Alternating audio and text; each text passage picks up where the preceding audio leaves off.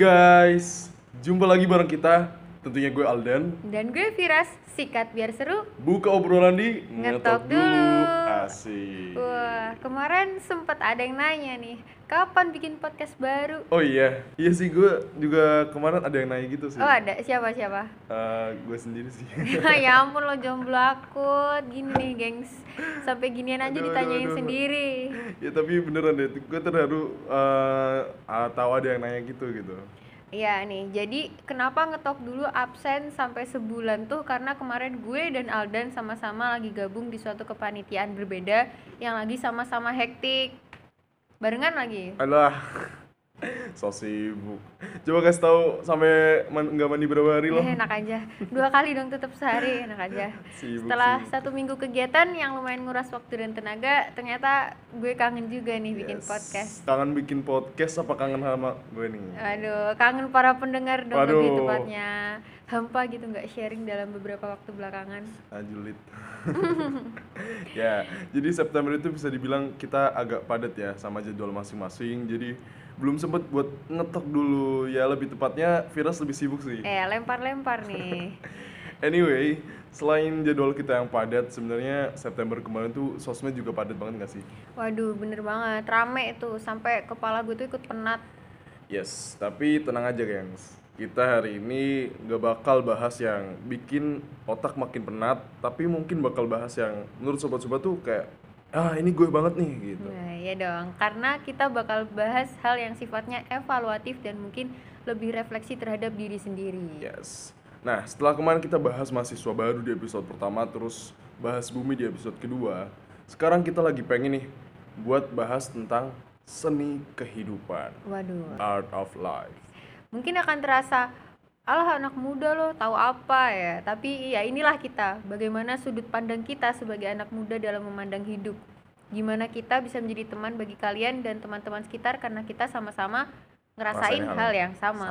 Oke, ya. Jadi insya Allah ini bakal relate sih kalau menurut gua. So, Yoi. check it out, guys.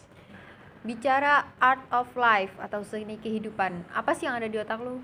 Ya, eh, pasti ya balik lagi ke art sama life-nya itu Nah, sendiri. gimana tuh? Gimana coba? Ya balik lagi kenapa kita bisa bilang uh, seni kehidupan ya karena kita beropini bahwa hidup itu merupakan seni men. Hmm. Hidup merupakan seni tertinggi di dunia ini yang tercipta dari kuasa ilahi gitu. Bagaimana kita meramu emosi dan membaca garis tangan dengan penuh kemaknaan adalah cara kita menikmati seni kehidupan. Yes, gue setuju sih. Bahkan ketika kita berbicara pandangan tentang definisi hidup pun kita bisa dikategorikan sedang melakukan sebuah seni. Yes. Seni itu emang abstrak, gak ada standar benar atau salah, gak ada standar di mana kita bisa nyebut bahwa hidup kita itu lebih baik daripada orang lain pun sebaliknya gitu. Karena tergantung kita ngelihatnya gitu kan. Tapi value dari keestetikan itu tuh yang sebenarnya tuh paling nyata gitu. Ya, that point. Value keestetikannya itu nyata. Yes. Nah, kalau kita buka kamus besar bahasa Indonesia, hidup itu artinya masih terus ada, bergerak dan bekerja sebagaimana mestinya. Hampir mirip dengan kalimat yang diutarakan Albert Einstein. Tahu nggak lo? Ya tau lah, kakek gue sendiri. Parah nih kalau nggak tahu. Hidup itu seperti mengendarai sebuah sepeda katanya. Untuk jaga keseimbangan, kamu harus terus bergerak. Gue tahu mendefinisikan hidup itu hampir mirip kayak cinta lah. Aduh, aduh, aduh, aduh. Ini kayaknya lagi ada yang lagi Eh. ini nih, berbunga-bunga kasmaran ya. Susah didefinisikan guys dalam kata-kata. Tapi gue pengen tanya nih, menurut lu dan makna hidup itu emang apa sih? Ya, makna hidup. Aduh, berat sih. Tapi buat gue sih eh, makna hidup itu meliputi dua hal. Yang pertama, ini menurut gue ya, menghamba pada Sang Pencipta dan yang kedua itu saling menghidupi sesama. Sesuai dengan ajaran agama gue kalau misal ada hablum minallah, ada hablum minan nas, gimana kita itu berhubungan dengan Tuhan, bagaimana kita berhubungan dengan manusia gitu.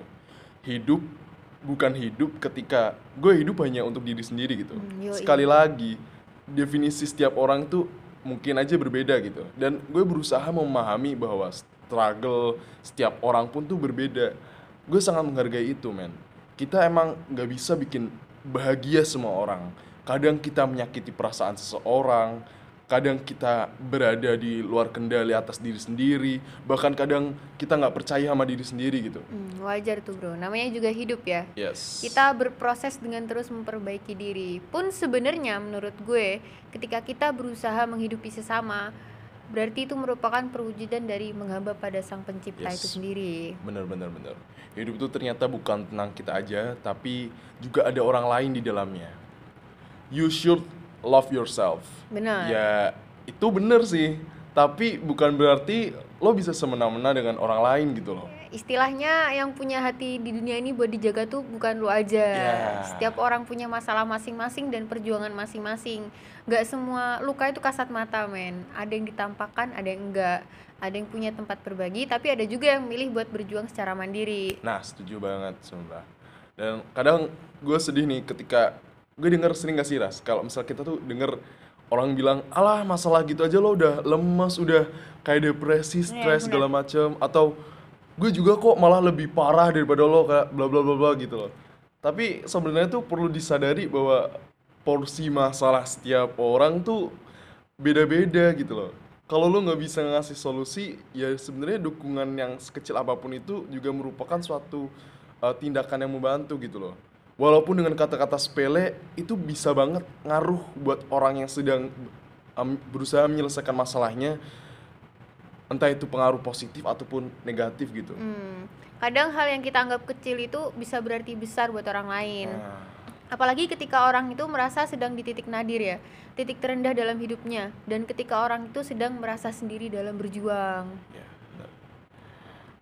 Sebenarnya gue sendiri masih bingung sih titik nadir itu kayak gimana. Jatuh sedalam apa yang bisa bikin gue menyebut kejadian tersebut sebagai titik nadir dan somehow hal itu menjadi ketakutan bagi gue.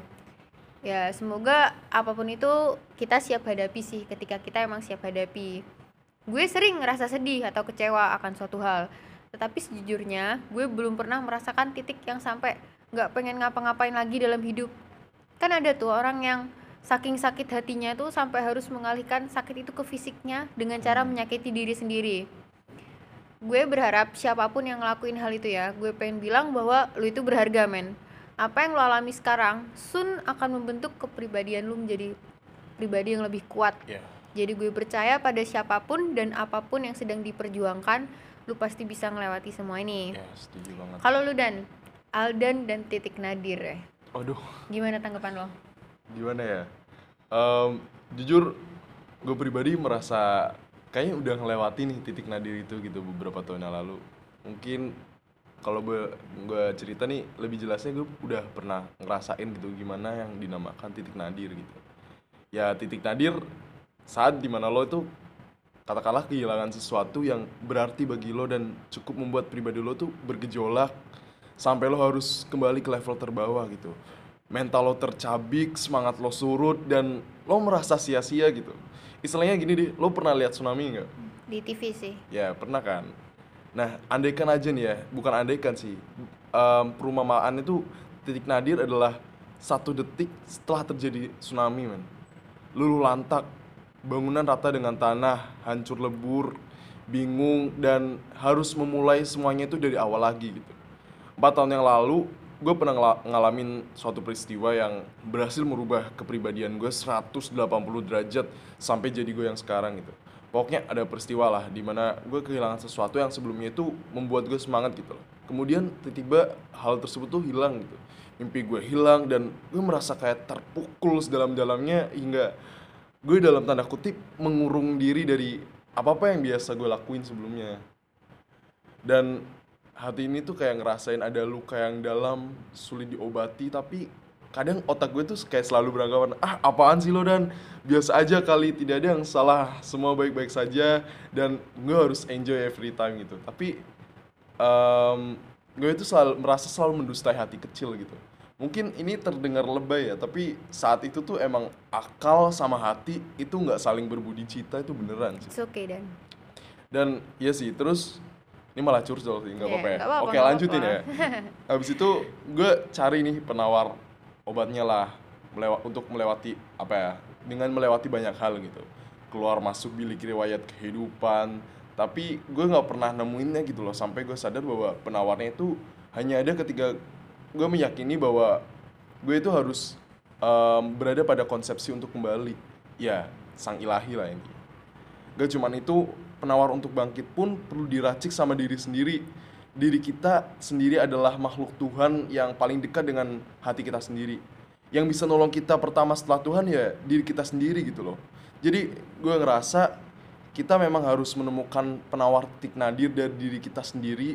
Makanya gue setuju banget pas tadi lo bilang setiap orang tuh punya porsi masing-masing. That's true dan gue rasa um, ini salah satu contoh orang yang udah pernah ke titik nadir sih. Tapi ya mungkin versinya beda-beda tapi intinya tuh sama gitu lah. Gila sih lo, keren banget. Gue salut lo bisa lewatin titik itu. Lo ngelewatin tahun demi tahun hingga akhirnya lo terlahir sebagai Aldan yang sekarang, yang keren Ya. sekarang ini. Waduh, lo harus syukuri itu. Ya. ya udah besok kita bikin itu ya segmen curhat doma aja kali. Mata viras. Mata virus. Enggak apa Mata kali. najwa kali ya. kan kita saling share di sini. Waduh, waduh. Oke, oke. Tapi FYI aja sih, eh, kisah ini gue akhirnya abadikan di satu puisi yang gue buat yang judulnya itu Panasnya Jiwa. Tunggu di YouTube ya. Waduh. Jadi emang parah ya nih anaknya. The real of seniman muda. Waduh. Udah vote belum guys? aduh, aduh, aduh, aduh, aduh. Aduh, apa, apa. Oh ya, nih by the way, gue sempet baca-baca kisah orang lain juga nih. Ternyata ketakutan manusia itu luas ya. Nggak hanya berkutat pada serangga, hantu, gelap. Kayak waktu kita masih kecil yang ditinggal orang tua aja bisa nangis. Seiring waktu definisi yang ditakutin oleh manusia tuh juga makin luas. Pun halnya dengan penyebab kita sebagai manusia merasa jatuh. Nggak cuma karena kehilangan seseorang, patah hati, mimpi yang nggak sesuai target, tapi juga bisa karena merasa hambar dalam hidup Hmm. kayak ya lu nggak tahu gitu sekarang lu hidup harus ngapain sebenarnya apa sih yang lu perjuangin sampai-sampai ngerasa di dunia ini rasanya nggak ada guna gitu kayak buat apa gue hidup gitu. Ya, ya, ya, benar, benar, benar. Gue juga punya temen sih beberapa yang kayak gitu.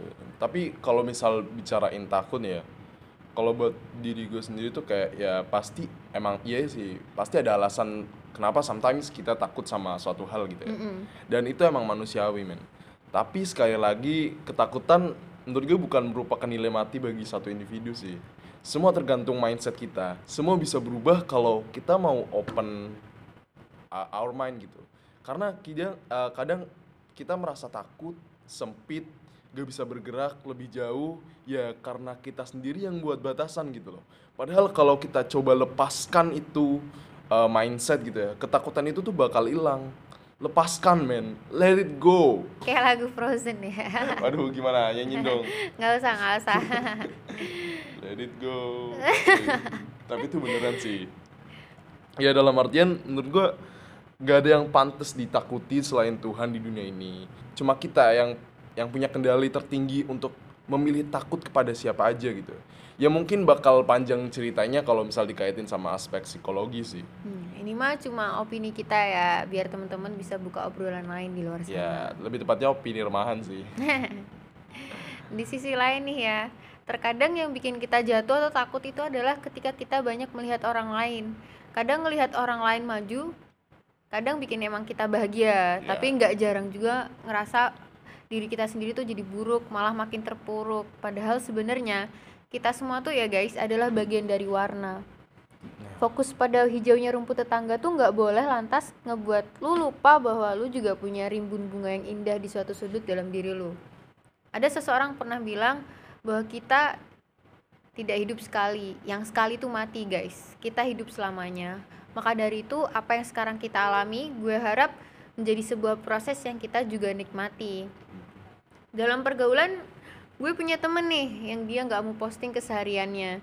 Misal nih ya, kan kita biasa ya lihat ada seseorang ngasih sesuatu lalu diposting di media Waduh, sosial kayak kayak, dari doi ya asik. posting keakraban pertemanan, foto keluarga dan lain sebagainya. Nah, tapi temen gue ini tuh nggak mau tuh kayak karena dia berpendapat bahwa nggak semua orang punya apa yang ia punya, nggak semua orang diberi anugerah seperti yang dia miliki dan dia nggak pengen postingan yang dia bikin justru membuat orang lain berkecil hati. Di lain sisi, gue juga punya teman yang dia banyak posting keseharian karena ingin membagi momen kebahagiaan dengan orang lain, ingin mengapresiasi pemberian orang lain. Menurut gue, kedua prinsip ini nggak ada yang salah. It's okay. Uh, let people find their happiness, let people enjoy things. Yes. Kita adalah pemegang kendali terkuat atas diri kita, kayak yang Alden bilang tadi. Iya. Ketika postingan dia nggak mengganggu dalam artian mengancam, pelecehan dan lain sebagainya, ya udah guys, biarin aja. kalau lo nggak pengen lihat tinggal mute scroll eh, apa pun lah itu gue pribadi gue pribadi nih termasuk orang yang nggak terlalu sering update keseharian kecuali kayak ada momen lucu kayak Freya gitu atau quotes bagus dan pengen gue share ke banyak orang Ya, ya benar benar benar benar. Gue setuju banget, setuju banget. Sumpah ini orang keren banget sih. waduh alay banget nih ya kita nggak bisa selalu menstandarisasikan kehidupan atas dasar orang lain gitu loh. Karena kita adalah kita, dia adalah dia gitu. Berbeda, bener kata lo gitu. Begitupun sebaliknya, kita juga nggak bisa mengeneralisasikan hidup kita ke orang lain, ya nggak sih? iya Misal gini deh, lo pernah lihat nggak sih persaingan penyanyi-penyanyi solo kelas internasional like Whitney Houston, Mariah Carey dan Celine Dion gitu? Yoi dong siapa yang nggak kenal kenapa ya tuh kan ya mereka ya nggak akan bersinar kalau mereka tuh saling imitasi satu sama lain gitu loh hmm. gaya nyanyi tiap diva dari tiga diva itu aja beda-beda ada Whitney yang tipikal nyanyi itu kayak atlet keringetan powerful nyanyi itu gila keren banget. Atau ada juga Mariah Carey yang nyanyi itu udah kayak Hokage-nya solo vokal di muka bumi ini. Nadanya tuh tinggi banget whistle register segala macem lah yang terkenal dari dia. Ada juga Celine Dion yang em, angelic voice-nya itu luar biasa bikin adem hati laki-laki gitu ya. Dan aksi panggungnya luar biasa gitu loh. Dan yang perlu digarisbawahi ini memang mereka emang dilahirkan berbeda dan mereka tuh juga memilih jalan untuk berbeda gitu loh. Satu sama lain gak memandang bahwa jalur sukses atau jalur yang benar tuh cuma satu. Misalkan kayak nyanyi kayak Whitney gitu. Mereka memilih berbeda. Toh yang namanya Intan akan terasa mahal kalau uh, dia berada di lingkungan yang uh, nggak sama-sama Intan gitu kan. Jadi semua uh, semua itu punya porsinya masing-masing. Anugerah dari Tuhan kepada diri kita adalah sesuatu yang paling spesial bagi kita gitu. Kita bisa bahagia dengan apa yang kita punya, orang lain pun juga sama.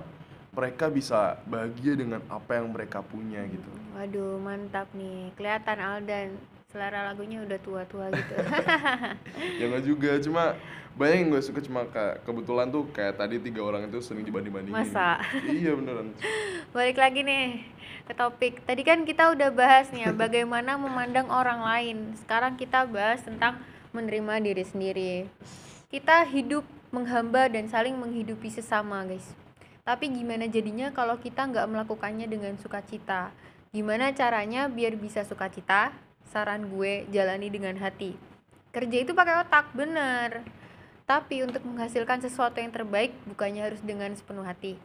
Kayak sederhananya mama kalau masak ya pakai cinta biar enak kayak tentara yang rela bekerja jauh kayak kita pelajar yang rela menuntut ilmu Waduh. merantau kayak pemadam kebakaran yang rela apa tuh Kok gue ketawa ya tadi? kayak pemadam kebakaran yang rela menembus api buat nolong orang Iya. kayak abang becak yang pulang malam-malam mengayuh sepeda demi makan keluarganya selalu ada pengorbanan akan suatu keputusan. Atas setiap tindakan dan apa jadinya jika kita melakukan semua itu tanpa hati Yes, benar-benar. Melakukan sesuatu dengan sukacita itu akan terasa lebih mudah ketika kita memahami diri kita gitu. hmm, Yap, em, akan lebih terasa nyaman lagi kalau kita itu bisa menerima diri kita sebagaimana adanya. kita sadar setiap dari kita punya kelebihan dan kekurangan atau jangan-jangan masih pada belum ngeh Nah, Nah, termasuk lu dan udah nemuin belum sih kelebihan dan kekurangan dalam diri lu dan gimana cara lu mengatasi itu?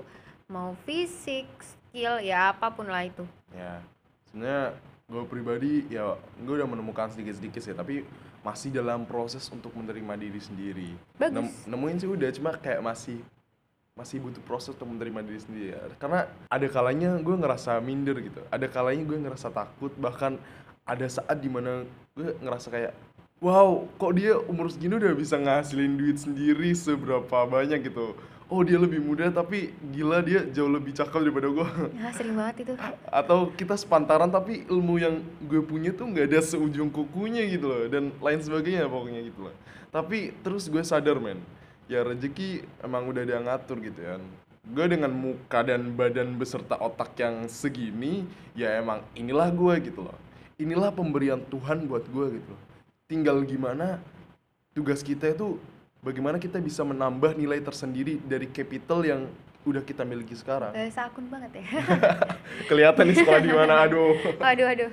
Agak melenceng sedikit ya, tapi gue kita sering gak sih baca kayak lihat si Anu tuh harusnya lu bersyukur which is si Anu itu lagi kesusahan sebenarnya gue kurang setuju nih dengan statement kayak gini Hmm.